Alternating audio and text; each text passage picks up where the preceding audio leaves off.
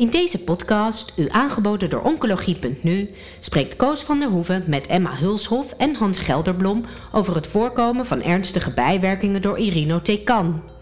Aan bod komen onder andere de studieresultaten die onlangs in de European Journal of Cancer zijn gepubliceerd, aanpassen van de richtlijn en hoe UGT1A1 getypeerd kan worden.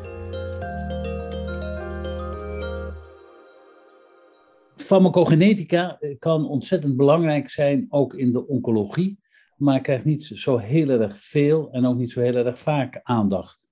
De laatste tijd is er enige verandering in gekomen, omdat er een belangrijk onderzoek uh, verscheen over de relatie tussen UGT1A1-typering en de toxiciteit van irinotecan. Zo keurig gepubliceerd in de European Journal of Cancer. En ik ga praten met twee van de auteurs. De eerste, dat is Emma Hulshoff. Zij is ziekenhuisapotheker in het Catharine ziekenhuis in Eindhoven. En professor Hans Gelderblom. Hij is internist-oncoloog in het LUMC. En hij is ook een van de promotoren van Emma Hulshoff. De anderen zijn professor Henk-Jan Guggelaar en uh, Maarten Denen, de laatste is apotheker ook in het Catharine ziekenhuis in Eindhoven en was ook bij het onderzoek betrokken. Nou, een hele lange inleiding. Welkom allebei. Uh, een heel mooi artikel, uh, waarschijnlijk ook belangrijk voor de klinische praktijk. Ik wilde eigenlijk eerst beginnen, het gaat over irinotecan. Wat, wat is het indicatiegebied voor irinotecan op dit moment? Ja, irinotecan wordt ook heel veel gebruikt bij het colorectaal uh, carcinoom, maar ook in de ons welbekende Volfirinox uh, schema's bij bijvoorbeeld uh, pancreascarcinoom. En er zijn nog een aantal buitennissige indicaties binnen de sarcomen bijvoorbeeld. dus het is een veelgebruikte topoisomerase 1 remmer die, die we allemaal goed kennen en ook wel een beetje berucht is qua bijwerkingen. Ja, kan je nog iets vertellen vooraf over welke bijwerkingen we dan eigenlijk zo erg uh, bang voor moeten zijn? Ja, nou de, de meest uh, beduchte bijwerking is diarree uh, in combinatie met neutropenie. Dat kan leiden tot febrile neutropenie, een enorme porte-entree via de darm. In de allereerste studies met irinotecan trad dat soms wel tot een derde van de gevallen op. Uh, tegenwoordig weten we dat je toch uh, vrij snel met Imodium aan de slag moet. Maar dat je ook niet te lang moet doorbehandelen als de patiënt uh, daar koorts bij krijgt. Dus het is echt wel een bijwerking waardoor je langdurige opnames kan krijgen. Elke oncoloog zal dat herkennen. En soms zelfs IC-opnames. Ja, kan je nog iets vertellen over, het, over de relatie tussen het tijdstip van toediening van de chemotherapie en het optreden van die bijwerkingen? Ja, zeker. Je hebt een, um, ja, je hebt een soort uh, syndroom direct na toediening, uh, uh, waarbij je diarree en flusjes kan krijgen. Dat is niet de bijwerkingen waar we het nu over hebben. Daar kun je atropine voor geven. Veel situaties wordt dat gewoon profilactisch aan iedereen gegeven. Maar het gaat met name om die diarree die vrij vroeg kan optreden in het begin van de tweede week en uh, in, nou ja, nogmaals, in combinatie met neutropenie. Ja, en je kan eigenlijk niet goed van tevoren voorspellen, of althans tot voor kort, welke patiënten daar nu wel of geen hinder van kan krijgen. En uh, ik begreep uit het voorgesprek en uit de literatuur dat er ook wel mensen overleden zijn aan deze uh, complicaties. Klopt, ja, klopt. Dat, dat, dat is de insteek en de motivatie voor ons geweest om deze studie te doen. Emma, wat was de aanleiding om een onderzoek te gaan doen naar UGT1A1-typering? Ja, dat, dat was natuurlijk dan eh, die, um, die complicatie natuurlijk. En eigenlijk zien we al sinds uh, 2000 uh, studies verschijnen dat, dat er een associatie is tussen die ernstige toxiciteit en uh, mensen die een bepaalde mutatie in het UGT1A1-gen hebben. En um, als je die mutatie in het UGT1A1-gen hebt, dan noemen we je ook wel een UGT1A1 poor metabolizer. En we zien eigenlijk dat die mensen vier keer zo'n grote kans hebben op ernstige hematologische toxiciteit.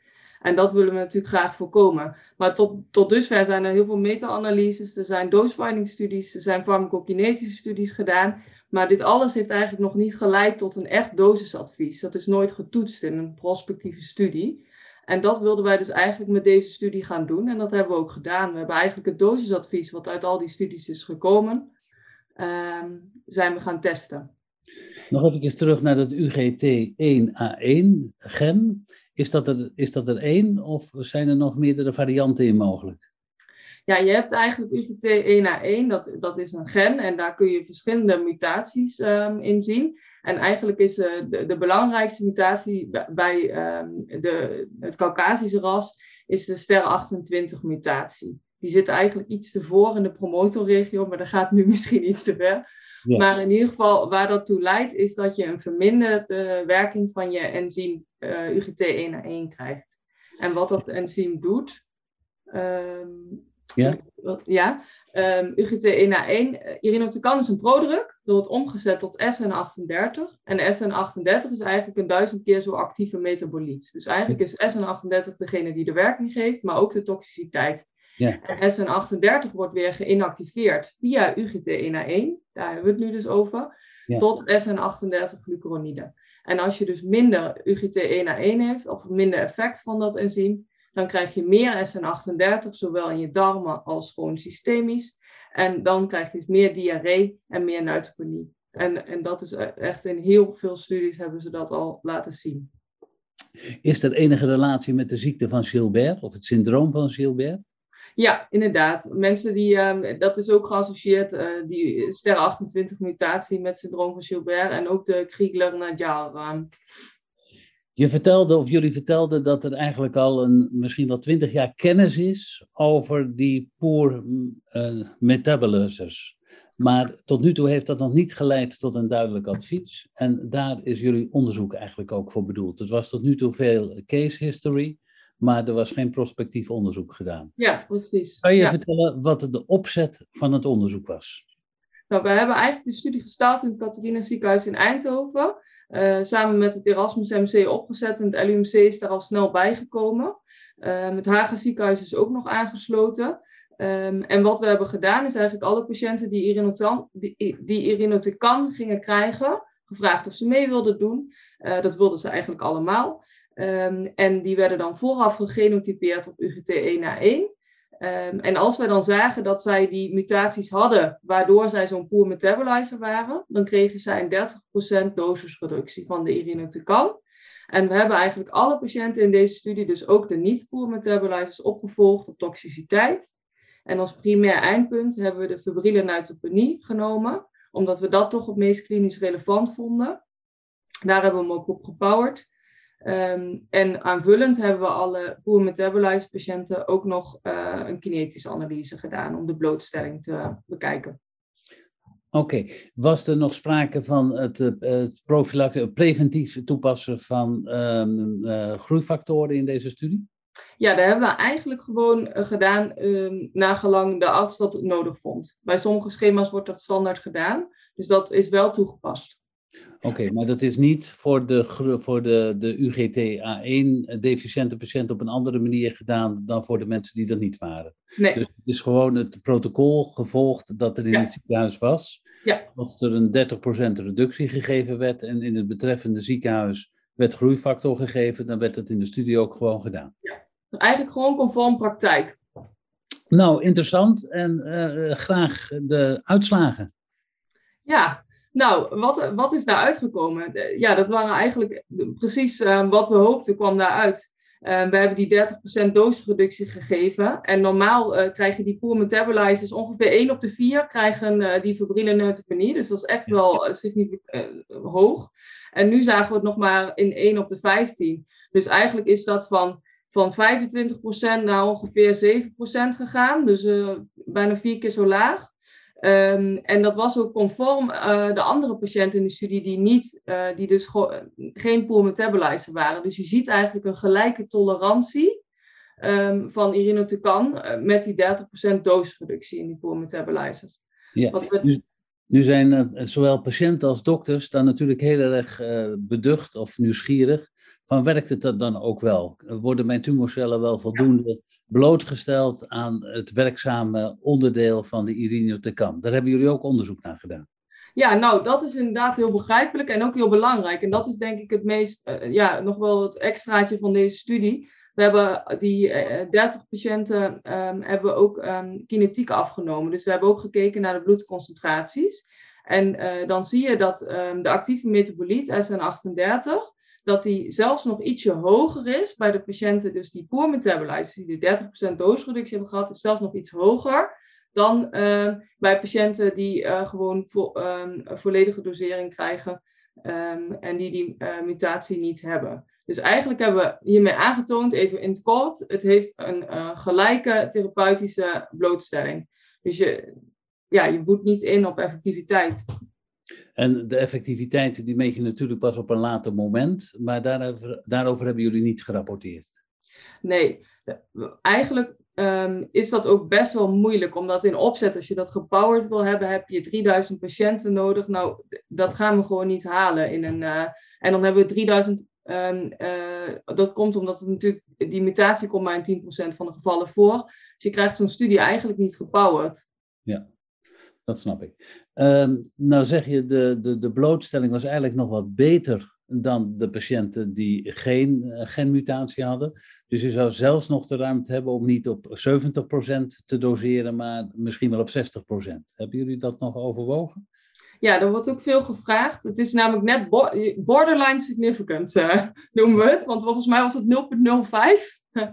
um, Maar ik zou dat niet doen, want eigenlijk zien we dat die uh, tolerantie um, qua toxiciteit, zie je um, dat die uh, ongeveer gelijk is ook. Daarom is het zo mooi dat we ook die patiënten die niet die mutatie hadden, hebben meegenomen in deze studie en hebben opgevolgd qua toxiciteit. Je ze komen ongeveer gelijk uit. We zien alleen bij onze pool metabolizers nog dat die wat meer graad um, 3-4 neutropenie hebben, maar niet meer op, op de graad 4. Oké, dat is helder. Uh, Hans die gaf in het begin aan, diarree is ook een hele belangrijke bijwerking. Uh, de febrile neutropenie hebben we gehoord. Hoe zat het met de diarree?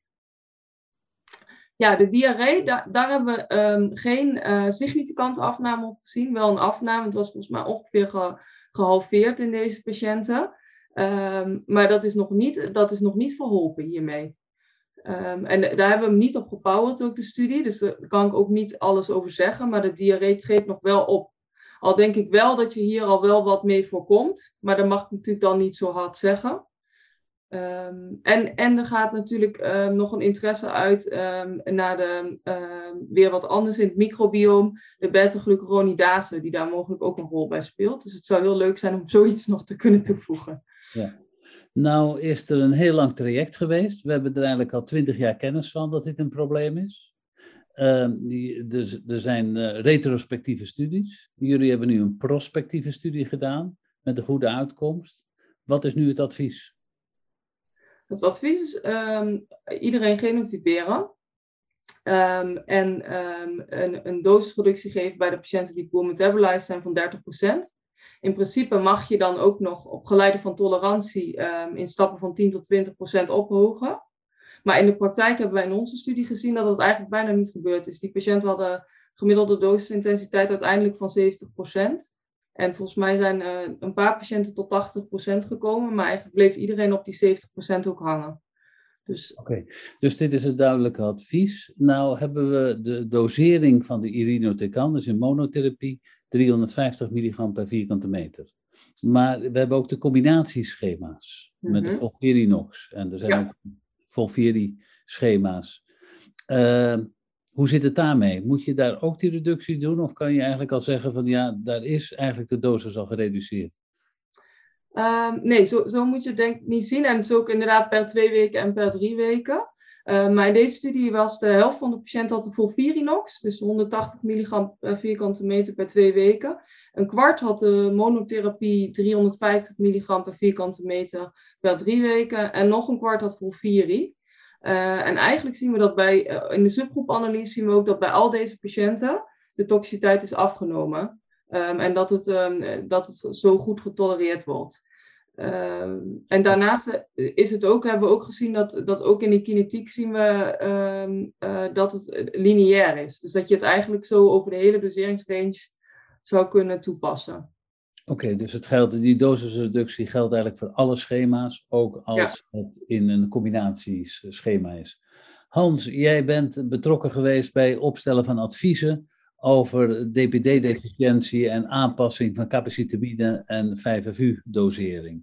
En eigenlijk is dat nou een richtlijn geworden. Ik denk dat er over die irinotecan en die UGT1A1 niet veel verder onderzoek gedaan zal worden. Hoe krijgen we dat nu als richtlijn? Of moet dat een richtlijn zijn? Ja, het is mooi dat je die parallel trekt, want misschien nog even terug naar het studiedesign. Uh, bij DPD lag natuurlijk ook uh, al heel veel uh, retrospectieve evidence. En ehm, ehm, het effect is heel sterk, hè, zoals we weten, bij DPD. Maar bij, bij UGT en irinotecan ook. En in um, waarom de, het zo lang geduurd heeft dat er prospectieve studies gekomen zijn, is het feit dat het niet ethisch is om patiënten te genotyperen en dan te randomiseren tussen wel of geen dosisaanpassing. En het mooie van beide studies, die heel erg op elkaar lijken, is dat er een controlearm is uh, meegenomen, historisch, met poor metabolizers. En daar is dus ook mee uh, vergeleken. Dus dat wil ik nog even toevoegen. Dat, ja. dat dit gewoon de beste prospectieve studies zijn die je kan krijgen. Dus ik ben het helemaal met je eens. Er gaan geen ehm, nou ja, placebo-gecontroleerde of non-interventie prospectieve studies mee komen. Dus hier moeten we het mee doen. Um, het, het, ingewikkelde is dat uh, um, we zijn natuurlijk gewend om, om, om uh, als oncologen om uh, na te denken over richtlijnen per tumortype. En uh, kan, nou ja, misschien wat minder dan bij uh, 5FU en capecitabine, wordt natuurlijk over verschillende tumortypes gebruikt. Dus er zijn twee manieren. Er zijn eigenlijk meerdere manieren. Je hebt de richtlijn van de apothekers, daar kan Emma zo dadelijk wat meer over vertellen. En je hebt natuurlijk ook nog gewoon de tumorspecifieke richt richtlijnen. Uh, zo is BPD in de colorectale richtlijn in Nederland gekomen. Er bestaat geen ESMO-richtlijn voor farmacogenetica. Ehm, dus dat is een beetje ingewikkeld. Ik denk dat wij eh, erop moeten aansturen dat het ook in de Nederlandse richtlijnen komt en daarna in de, in de ESMO-richtlijnen. En ja, het zou natuurlijk helemaal mooi zijn als het in het druglabel kwam. Ja, en maar Hans die verwijst naar de richtlijnen van de apothekers. Kan je daar iets verder over zeggen? Ja, daar zit ja. Emma helemaal in. Ja, nou, het, het, is al in de, de beroepsvereniging van de, van de apothekers, staat het al in de richtlijn um, dat je een 30% dosisreductie moet geven. Dus eigenlijk is, is dat al bekend. Daar wordt ook al op bewaakt. Alleen heel vaak wordt die UGT1 genotypering nog niet gedaan. Dus het is wel van belang dat we het natuurlijk wel gaan doen dan. Um, en um, we gaan die richtlijn ook om, om het um, meer bekend te maken, want die is niet zo goed beschikbaar en bereikbaar, gaan we dat ook binnenkort publiceren in de European Journal of Human Genetics. willen we die richtlijn beschikbaar maken voor iedereen, zodat het ook duidelijk is wat je moet doen uh, en hoe je het kunt implementeren. Ga ik er toch nog iets scherper vragen? Als er nou een patiënt overlijdt aan de toxiciteit van irinotecan, zonder dat er bij die patiënt een UGT1A1-typering gedaan is. Is dat dan op grond van de kennis die we nu hebben verwijtbaar? We zitten niet in de rechtbank, maar probeer er toch iets van te zeggen. Ja, juridisch niet, hè? want het staat nog niet in het druglabel. Uh, wat, wat ik wel gemerkt heb, uh, nou ja, op de ESCO is het voor het eerst gepresenteerd, deze studie. Op de post-ESCO heb ik er uh, aandacht aan geschonken en er is heel veel reactie uit het land gekomen. Dus ik heb het gevoel dat er in, ieder geval in Nederland al heel veel mensen dit, dit doen. En dan echt preemptive, hè, dus voor start bepalingen doen en, en niet zoals een reactie vaak is, oh god, de patiënt heeft ernstige diarree, zullen kijken of hij toch uh, drager is. Dat heeft geen zin. Dus uh, ik denk dat het, en daar draagt deze podcast natuurlijk ook aan bij, dat, dat als Nederlandse oncologen lopen we heel vaak voorop met dingen. Dus dat het wel verantwoordelijkheid zou moeten zijn van een oncoloog om dit gewoon te doen. Dan uh, maar een praktische vraag. Hoe kunnen we het laten bepalen? Ja, ja in, dat kan in principe via de, de klinische chemie doet dat vaak. Daar hebben ze vaak een moleculair bioloog. En eigenlijk is het parallel met de DPD-genotypering. Dus ze kunnen daar gewoon uh, een essay voor opzetten en dan kan je gewoon uit hetzelfde sample voor de DPD ehm, bepalen. Um, volgens mij zijn er al 16 laboratoria in Nederland die in principe de bepaling al hebben. Um, en we hebben ook gemerkt overigens in de studie, als je het door een regionaal lab laat bepalen, dus niet eens door je eigen lab, dat lukt eigenlijk ook. Dat hebben we voor het Hagen ziekenhuis gedaan en er is geen vertraging opgetreden. Dus ieder ziekenhuis die kan eigenlijk, als hij dat zelf niet heeft, bij hem of haar in de buurt kijken of er een laboratorium is die dat op een gevalideerde manier kan doen. Ja, en eigenlijk ook misschien het makkelijkste is denk ik om je DPD-genotypering te volgen. Waar wordt die gedaan? En dan zou je daar ook je UGT 1 naar 1 kunnen doen. Want je hebt maar een klein beetje DNA nodig. En het is wel, dat, daar had ik het met Hans ook nog even over, het is wel van belang dat het wel minimaal één keer per week bepaald wordt. Ja, anders, anders dan krijg je vertraging. Ja, dat is wel uh, belangrijk. Hartwig, die gaat op korte termijn bij de WGS-rapporten op uh, tumordiagnostiek ook de uitslagen van DPD en UGT1A1 vermelden. Hè? Want bij de WGS voor tumordiagnostiek wordt ook de kiembaan uh, gesequenced en daar kan je de farmacogenetische uitslagen uit krijgen. Wat vinden jullie daarvan? Nou ja, dat is een prachtig initiatief. Uh, ik denk dat het ook past in de ontwikkelingen die we meemaken rondom de kankerdiagnostiek. Uh, zoals je misschien weet, worden ook projecten gedaan bij, bij huisartsen, waar een medicatiepaspoort, genprofiel wordt gedaan. En uiteindelijk, denk ik over, misschien wel over 10, 20 jaar, dat dat gewoon allemaal in de hielprik zit. Dan weten we het gewoon op het moment dat je op de wereld, de wereld instapt, denk ik. Oké, dat is een klein beetje de overstap naar mijn volgende vraag. 5FU, capacitabine, irinotecan, veel gebruikte cytostatica. Daar hebben we nu doseringsadviezen die een klein beetje gebaseerd zijn op het genetisch profiel van patiënten. Zijn er nog meer middelen in de oncologie die uh, daarvan gebruik zou kunnen, kunnen maken van de farmacogenetica in, ja, bij de patiënten. Ja, er, zijn wel wat voorbeelden te noemen. Je hebt bijvoorbeeld mercaptopurine, een van de thiopurines. Dat is met name bij kinderen met ALL. Daar ja. maken ze eigenlijk al gebruik van, van de TPMT en de NUT15. Uh, dat is ook om ernstige beenmergtoxiciteit te voorkomen. Maar waar we bijvoorbeeld ook mee bezig zijn, zijn de platina-verbindingen. Om misschien de effectiviteit um, te kunnen voorspellen aan de hand van uh, mutaties in de DNA-repair pathway. Um, en wat ik onlangs nog tegenkwam was een case report over uh, docetaxel, um, waarbij je zag bij zeldzame CYP3A4-mutaties dat die ook ernstige toxiciteit kregen. Dus dat is misschien ook nog een hele interessante. Okay. Hans, heb jij nog toevoegingen daarop? Ja, we zijn een leuke studie aan het doen bij het STER22 genotypering bij tyrosine kinase remmers. Die studie is, uh, loopt op zijn eind, maar als ik naar mijn eigen populatie kijk, zit daar ook wel een mooie correlatie in. Maar dat moet natuurlijk de resultaten nog afwachten. Dus het veld is nog in ontwikkeling. Nou, wil ik tot een afsluiting komen. Ik denk dat het een uh, prachtig onderzoek is dat Nederland er daar voorop kan lopen. En ik denk dat de patiënten er nog het meeste van gaan profiteren als we het ook heel snel invoeren. Uh, Hans en Emma, je krijgen nog het laatste woord als u daar gebruik van wil maken. Nou ja, als je het vergelijkt met een uh, fenotyperingstest of een microdoserings-PK-test, is allemaal veel ingewikkelder in de spreekkamer. Als je patiënt aan het einde van de middag komt, je neemt gewoon een EDTA-buisje af. En het is eigenlijk heel simpel en heel praktisch. En ik ben heel blij dat die evidence er nu is, dat we het ook allemaal kunnen gaan doen. Want je, schaamt je natuurlijk rot inderdaad als je het niet doet en de patiënt wordt opgenomen met toxiteit. Nou, en voor Emma, voor jou is het een, een mooi uh, proefschrift, uh, uiteindelijk of een mooie bijdrage aan je proefschrift. Jazeker. Ja, ik ben er heel erg blij mee dat ik dit onderzoek heb kunnen doen. En het is eigenlijk ook de aanleiding voor mijn promotie geweest.